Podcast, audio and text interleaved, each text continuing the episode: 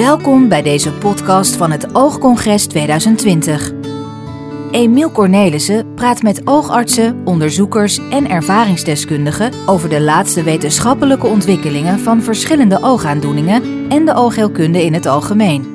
We gaan het hebben over iets waar je wellicht wel eens last van hebt gehad, maar nooit precies wist wat het nou eigenlijk is. Strooilicht. Tom van den Berg is onderzoeker en houdt zich hier al mee bezig sinds de jaren 70. Uh, strooilicht, dat is een uh, visueel fenomeen. Met strooilicht bedoelen we het licht dat we zien, dat we dus waarnemen, wanneer we een fel licht zien tegen een wat donkerder achtergrond. Als we een fel licht tegen een donkere achtergrond zien, zoals heel karakteristiek bij het autorijden s'nachts bijvoorbeeld, wanneer er een tegenligger aankomt die even over een verkeersdrempeltje gaat, dan zie je rond de koplampen van zo'n tegenligger zie je een enorme uitwaaiering van licht.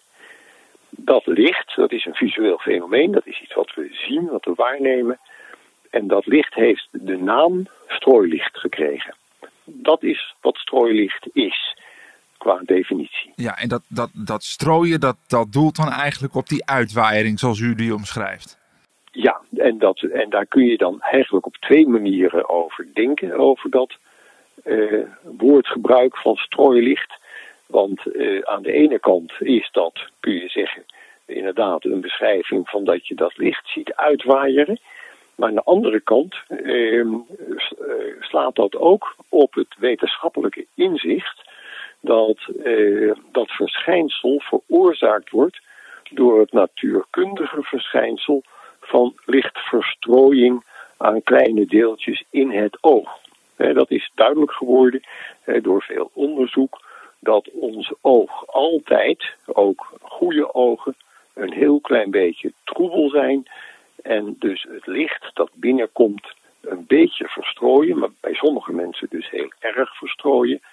En eh, dat verstrooide licht, dat zien wij dus en dat geven we dan de naam strooilicht. En uh, dat, dat fenomeen, wanneer treedt dat nou meestal op? Ja, dat treedt dus bij iedereen op. En, uh, en het is met name opvallend uh, wanneer het gaat om uh, lichten die omgeven zijn door een relatieve duisternis.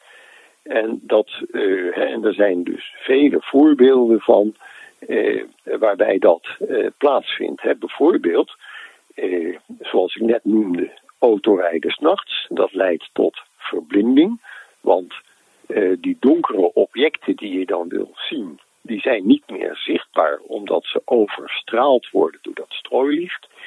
Maar het kan bijvoorbeeld ook, en dat zullen heel veel mensen herkennen, eh, plaatsvinden in de dagsituatie, wanneer je met je rug naar een open raam zit. En, eh, althans, als je met iemand zit te praten die met zijn rug naar een open raam zit, een, een raam waar licht, buitenlicht door binnenkomt, dan zie je vaak de gelaatsuitdrukkingen van zo iemand niet. Dat gelaat is relatief donker in vergelijking met dat licht van dat open raam. En dan worden die gelaatsuitdrukking die wordt dan minder zichtbaar, omdat dat licht van dat open raam verstrooid over die gelaatsuitdrukkingen heen. Dat is ook eh, precies hetzelfde effect eigenlijk, maar dan in een overdagse situatie. Ja, maar dit zijn uh, zeg maar incidenten die dan, dat kan dan gebeuren, is afhankelijk van de situatie of de plek waar je op dat moment ook bent. Hè? Ook als u zegt, uh, s'nachts in de auto, ja, dat, dat, dat, kan natuurlijk gebeuren. Maar dat, wanneer wordt het, het fenomeen strooilicht voor mensen een, ja, ik zou bijna zeggen, een probleem? Ja, het, het, is dus inderdaad uh, situationeel afhankelijk. Hè? Het hangt af van de situatie waarin je je bevindt. En wanneer je je dus bevindt in een situatie waar een zeer gelijkmatig lichtniveau geldt, hè, waar dus geen grote verschillen zijn, dan heb je daar eigenlijk heel weinig last van. Dus, en een voorbeeld daarvan is wanneer je bijvoorbeeld in de spreekkamer van de oogarts een gezichtsscherpte-test doet, hè, dan is die gezichtsscherptekaart is dan goed verlicht, de omgeving niet. En dan is dat lezen van die letters wordt eigenlijk nauwelijks gestoord door het strooilicht. Dus dat is een tegenovergesteld uh, effect. dat strooilicht heeft, geeft geen problemen wanneer, er van, wanneer het, het, het, het, object of de omgeving die gezien moet worden netjes egaal verlicht is. Het treedt dus inderdaad alleen maar op bij grote verschillen in helderheid die we moeten kunnen waarnemen. Maar in de praktijk is het zo, en dat is eh, statistisch heel goed onderzocht, in onze natuurlijke omgeving, zowel als we buiten zijn als wanneer we binnen zijn, treedt eigenlijk in 90% van de situaties een zeer onevenredige uh, verlichting van de omgeving, van datgene wat we moeten waarnemen, plaats. Waardoor in veel meer gevallen, in eigenlijk de meerderheid van de gevallen, als je een versterkte vorm van strooilicht hebt, dan heb je daar last van. En de twee voorbeelden die ik gaf zijn twee tamelijk bekende en extreme voorbeelden. Maar het is een veel algemener verschijnsel. Ja. Maar goed, de, maar zijn er bijvoorbeeld uh, uh, mensen die bijvoorbeeld door misschien een bepaalde aan, oogaandoening of een andere uh, medisch probleem daar misschien meer last van kunnen hebben? Of is, dit, is het echt gewoon iets wat ja, bij iedereen kan, zo kan optreden? Ja, het kan bij iedereen optreden. Sterker nog, het treedt bij iedereen op. Alleen jonge mensen, die hebben daar weinig van naar verhouding. En naarmate het oog ouder wordt, ook in het geval er niet van een ziekteproces sprake is, krijg je daar meer last van. Het normaal gezond verouderende oog heeft bij, eh, ik noem maar even een voorbeeld, 77-jarigen gemiddeld drie keer zoveel strooilicht. En dat is het gezonde, het beste verouderende oog. Een normale uh, situatie bij veroudering is dat er staar ontstaat. Hè? Dus dat de ooglens een beetje troebel wordt. Dan kan dat verschijnsel ongeveer tien keer zo hoog worden. Dus een zeer aanzienlijke verslechtering ten opzichte van de jonge situatie. Maar er zijn ook veel mensen met bijvoorbeeld horenvliesproblemen. Die, hè, het horenvlies is zeer gevoelig hè, voor troebeling. En kan heel makkelijk ook tot een vertienvoudiging, soms wel meer, eh, van dit verschijnsel leiden. Dus dat, hè, het, de, sterkte van de lichtverstrooiing neemt met de leeftijd en met pathologieën heel sterk toe. Daarnaast is het zo dat mensen met een netvliesprobleem er meer hinder van hebben. Dus ook bij een zeg maar, normale strooilichttoename zouden mensen met een netvliesprobleem meer hinder ervan ondervinden. Dus zowel bij mensen met netvliesproblemen als mensen met een probleem aan de voorkant van het oog ehm, kunnen ernstig versterkte strooilichthinder ervaren. Ja, en wordt dan ook bij hun, zeg maar, dat, dat, dat sowieso, dat, dat uh, niet alleen het, het strooilicht zelf, maar sowieso het hele effect. Dus dat je echt nog bijna bijvoorbeeld helemaal geen gelaatstrekken, als, u, als we net naar dat voorbeeld gaan van iemand die bij een, uh, een raam zit, dat je dat dan helemaal niet meer kunt zien? Of? Absoluut. Nee, dat is, het, het effect is zeer sterk. En veel mensen zullen dat herkennen, dat als iemand met de rug naar het raam zit, dat je dan vaak die gelaatstrekken gewoon niet meer kunt herkennen. Dat gebeurt in heel veel omstandigheden. Natuurlijk, hè, het hangt dan af hè, van de verhouding in de aanlichting van het gelaat en de hoeveelheid licht die van buiten komt. Maar het is in onze normale huiskamers, zeg maar, is het gebruikelijk dat het licht dat van binnen op het gelaat valt zo gering is naar verhouding. Hè. Het is natuurlijk meer dan genoeg om mee te kijken. Maar het is naar verhouding ten opzichte van het licht dat van buiten komt zo gering dat dat probleem bij iemand die wat verhoogd strooilicht heeft, inderdaad tot ja, onzichtbaarheid van de gelaatstrekken leidt. En, en, en, is dat ook een, een, moment waarop u zou zeggen, nou dan wordt het echt hoog tijd dat je een oogarts bezoekt? Zeker, dat is dus een, een vorm van klacht die uh, vaak meegenomen wordt uh, naar de oogarts. En uh, die daar dan dus inderdaad gaat kijken in het oog van goh, waar kan dat vandaan komen? En daar dan heel vaak, in, in het grootste deel van de gevallen hebben we het natuurlijk in de, in, in de, in de grote populatie over staar, over de stroebeling van de lens. maar er zijn ook hele grote groepen mensen die hoornvliesproblemen hebben. En daarnaast heb je dus nog de categorie die netvliesproblemen heeft en normaal verouderende uh, lens heeft en daardoor problemen krijgt. Ja, dus er ligt altijd wel een probleem onder. Het, het, strooilicht staat niet op zichzelf. Ja, inderdaad. Er, er ligt altijd een probleem onder. Er is altijd iets in het oog aan de hand waardoor je daar extra last van hebt. Ja. Ja, uh, nou heeft u uh, zich ook wel gespecialiseerd in het onderwerp in de zin van ook, ook meetapparatuur ontwikkeld. hoe belangrijk is het om het, hoeveelheid strooilicht überhaupt te kunnen meten? Als het een onderliggend probleem is van iets anders? Ja, ja de, de, de vraag is natuurlijk dan, wanneer ga je ingrijpen? Wanneer ga je ingrijpen? de, de, de, de patiënt die komt dus met een klacht bij de oogarts en de oogarts denkt van ja, ja, ja, ik zie wel wat. Hè. Ik zie bijvoorbeeld een beetje staar of ik zie een beetje horenvliestroebeling. Um, en de patiënt komt met een klacht. Um, en die zegt van ja, ik zie slecht en ik heb moeite met tegenlicht en met, en met gelaatsherkenning. En dan, ja, en dan ja, moet de oogarts tot een besluit komen. En, en hè, die moet tot, tot advies komen. En die moet dan zeggen van ja, eh, als ik nu ingrijp, Ehm, is dat wel een voldoende, kan ik voldoende verbetering beloven? om die ingreep, die natuurlijk altijd op een of andere manier wel een risico is of een, of een belasting is, ehm, om die te rechtvaardigen. En, ehm, en om die reden hebben dus oogartsen mij eh, heel lang geleden gezegd: van God Tom, kun jij daar geen eh, apparaat van maken? Dat we in de kliniek kunnen gebruiken. Hè, zodat wij gewoon kunnen meten hoe erg het is. Zodat we daarmee op een beter afgewogen manier hè, een patiënt kunnen adviseren over een ingreep om te ondergaan. Hè, want anders dan, ja, zoals je zegt, iedereen heeft last van strooilicht.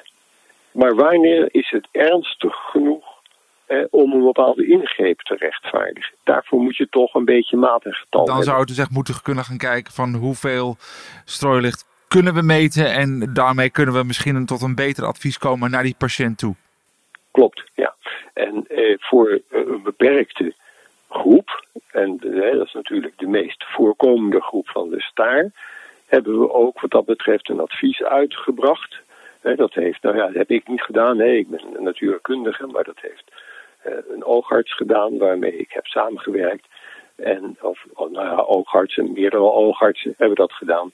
En die hebben gezegd van ja, als dat strooilicht ongeveer een factor 3 verhoogd is, dan vinden we dat een, uh, eigenlijk een, een, een, goede waarde om een staaroperatie te ondergaan. Daar zijn verschillende redenen voor, maar goed, daar hebben de oogartsen dan een bepaalde redenering voor.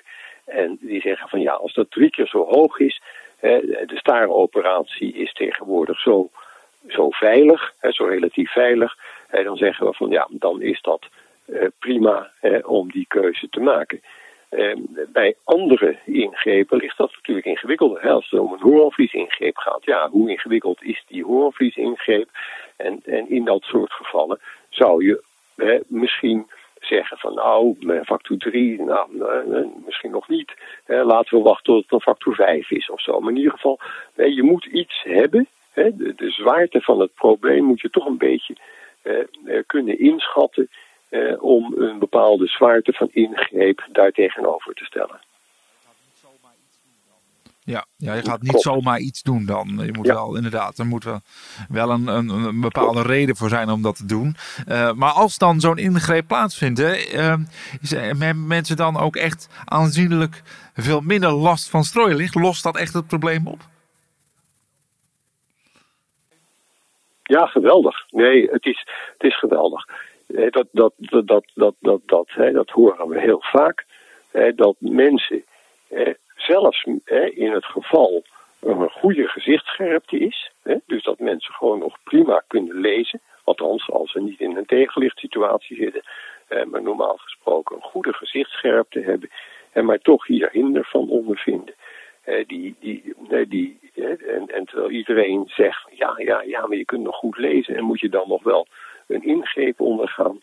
En als ze dan die ingreep hebben ondergaan, daar dan buitengewoon blij mee zijn. Ja, dat, dat, dat, ja, dat, dat, dat komt voor. Ja, veel voor. Ja. Zijn er dan nog dingen die je, waarvan u zegt, nou, je zou, je zou ook zelf iets aan kunnen doen om het effect te verminderen, zonder nou meteen weer naar een operatie te grijpen? Nee, dat zeker. Uh, er zijn dus hele praktische aanwijzingen te geven om in de praktijk minder last van strooilicht te hebben.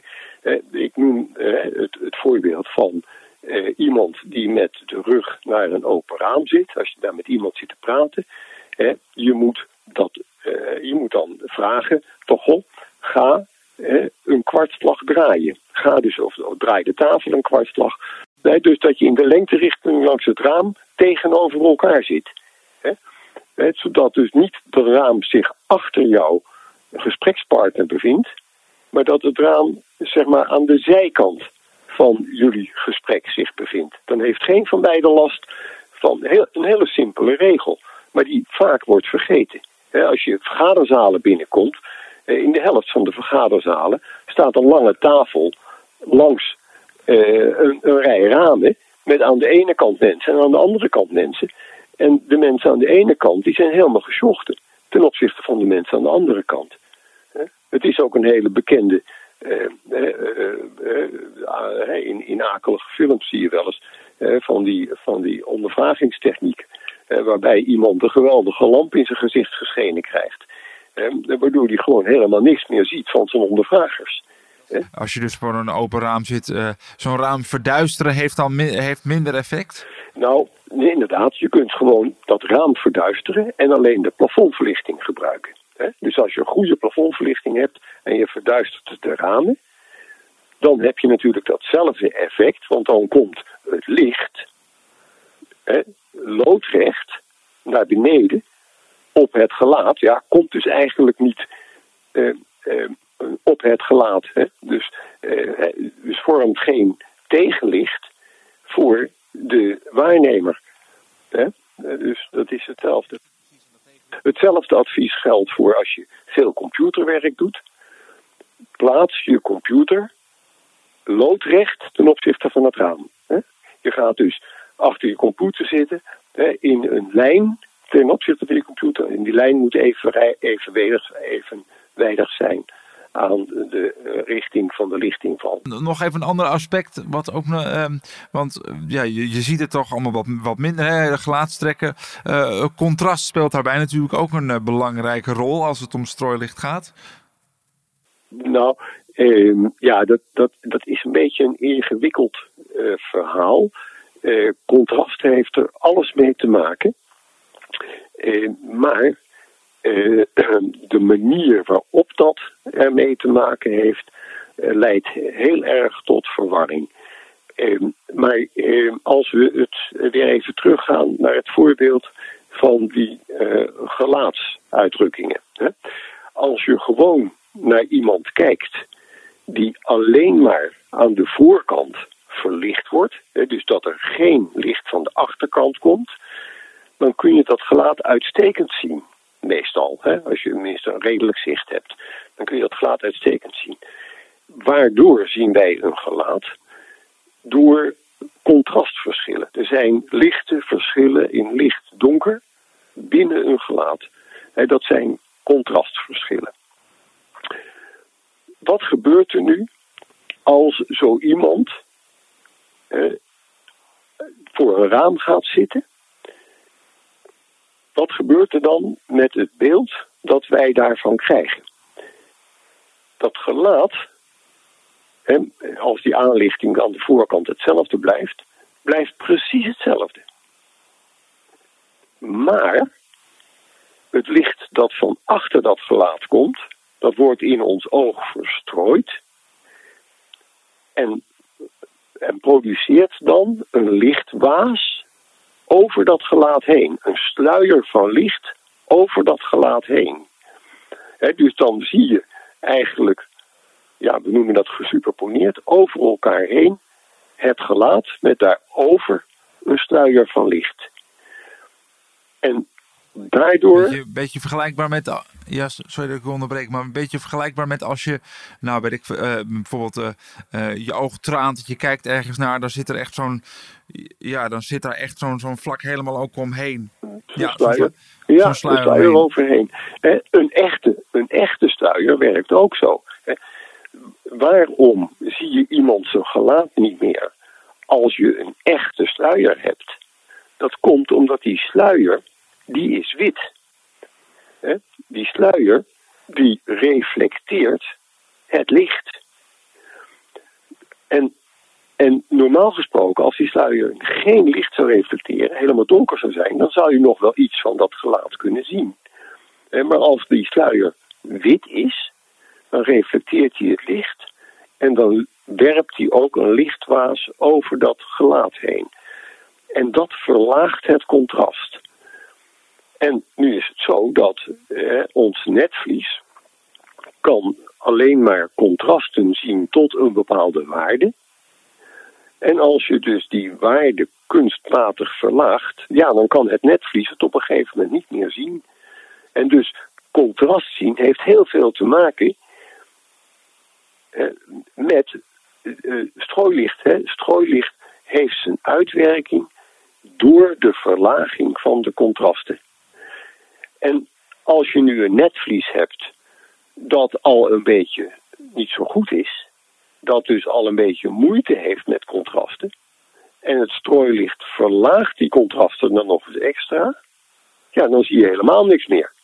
dus daarom heb ik in het begin gezegd, zowel mensen met een netvliesprobleem als mensen met verhoogd strooilicht hebben last van strooilicht.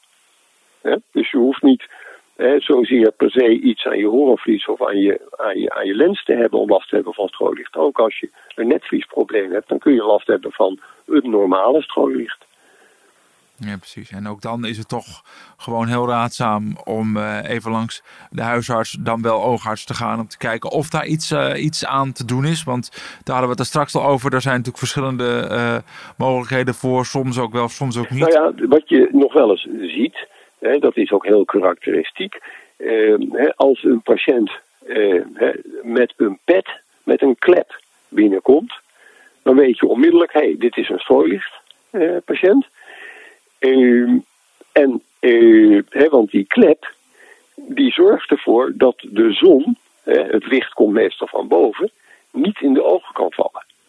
En daardoor niet voor strooilichthinder kan zorgen. Dus een patiënt met een klep is een typisch iemand die ehm, een strooilichtprobleem heeft. Maar omgekeerd kun je dan natuurlijk zeggen van ha, maar dan is een, een klep, een pet met een klep, is een hulpmiddel. Die helpt. En dat is waar. Een pet met een klep kan sommige mensen enorm helpen. Maar dat is, werkt natuurlijk alleen maar wanneer je te maken hebt met licht dat van boven komt. Alleen maar voor situaties waarbij toevallig in, in een gang of weet ik veel wat felle lampen boven hangen. Of wanneer je buiten loopt en er een felle zon is. dan helpt een pet met een klep geweldig. Dus een, een pet met een klep is dan, zou dan nog goed, uh, goed hulpmiddel zijn? Absoluut, daar zou ik altijd eerst mee beginnen. Hè?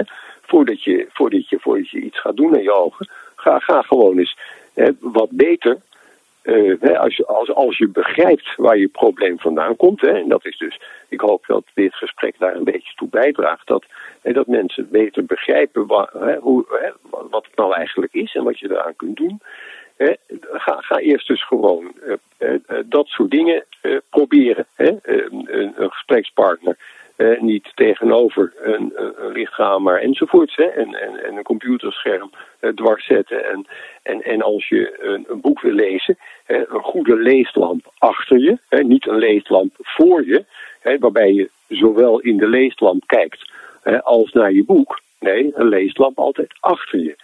Eh, nou ja, dat soort eenvoudige hulpmiddelen kunnen al geweldig helpen. U zei het al, een natuurkundige onderzoeker. Waar komt uw belangstelling voor strooilicht vandaan? Ja, die is heel oud. En die is eigenlijk eh, vooral versterkt eh, door een oogarts.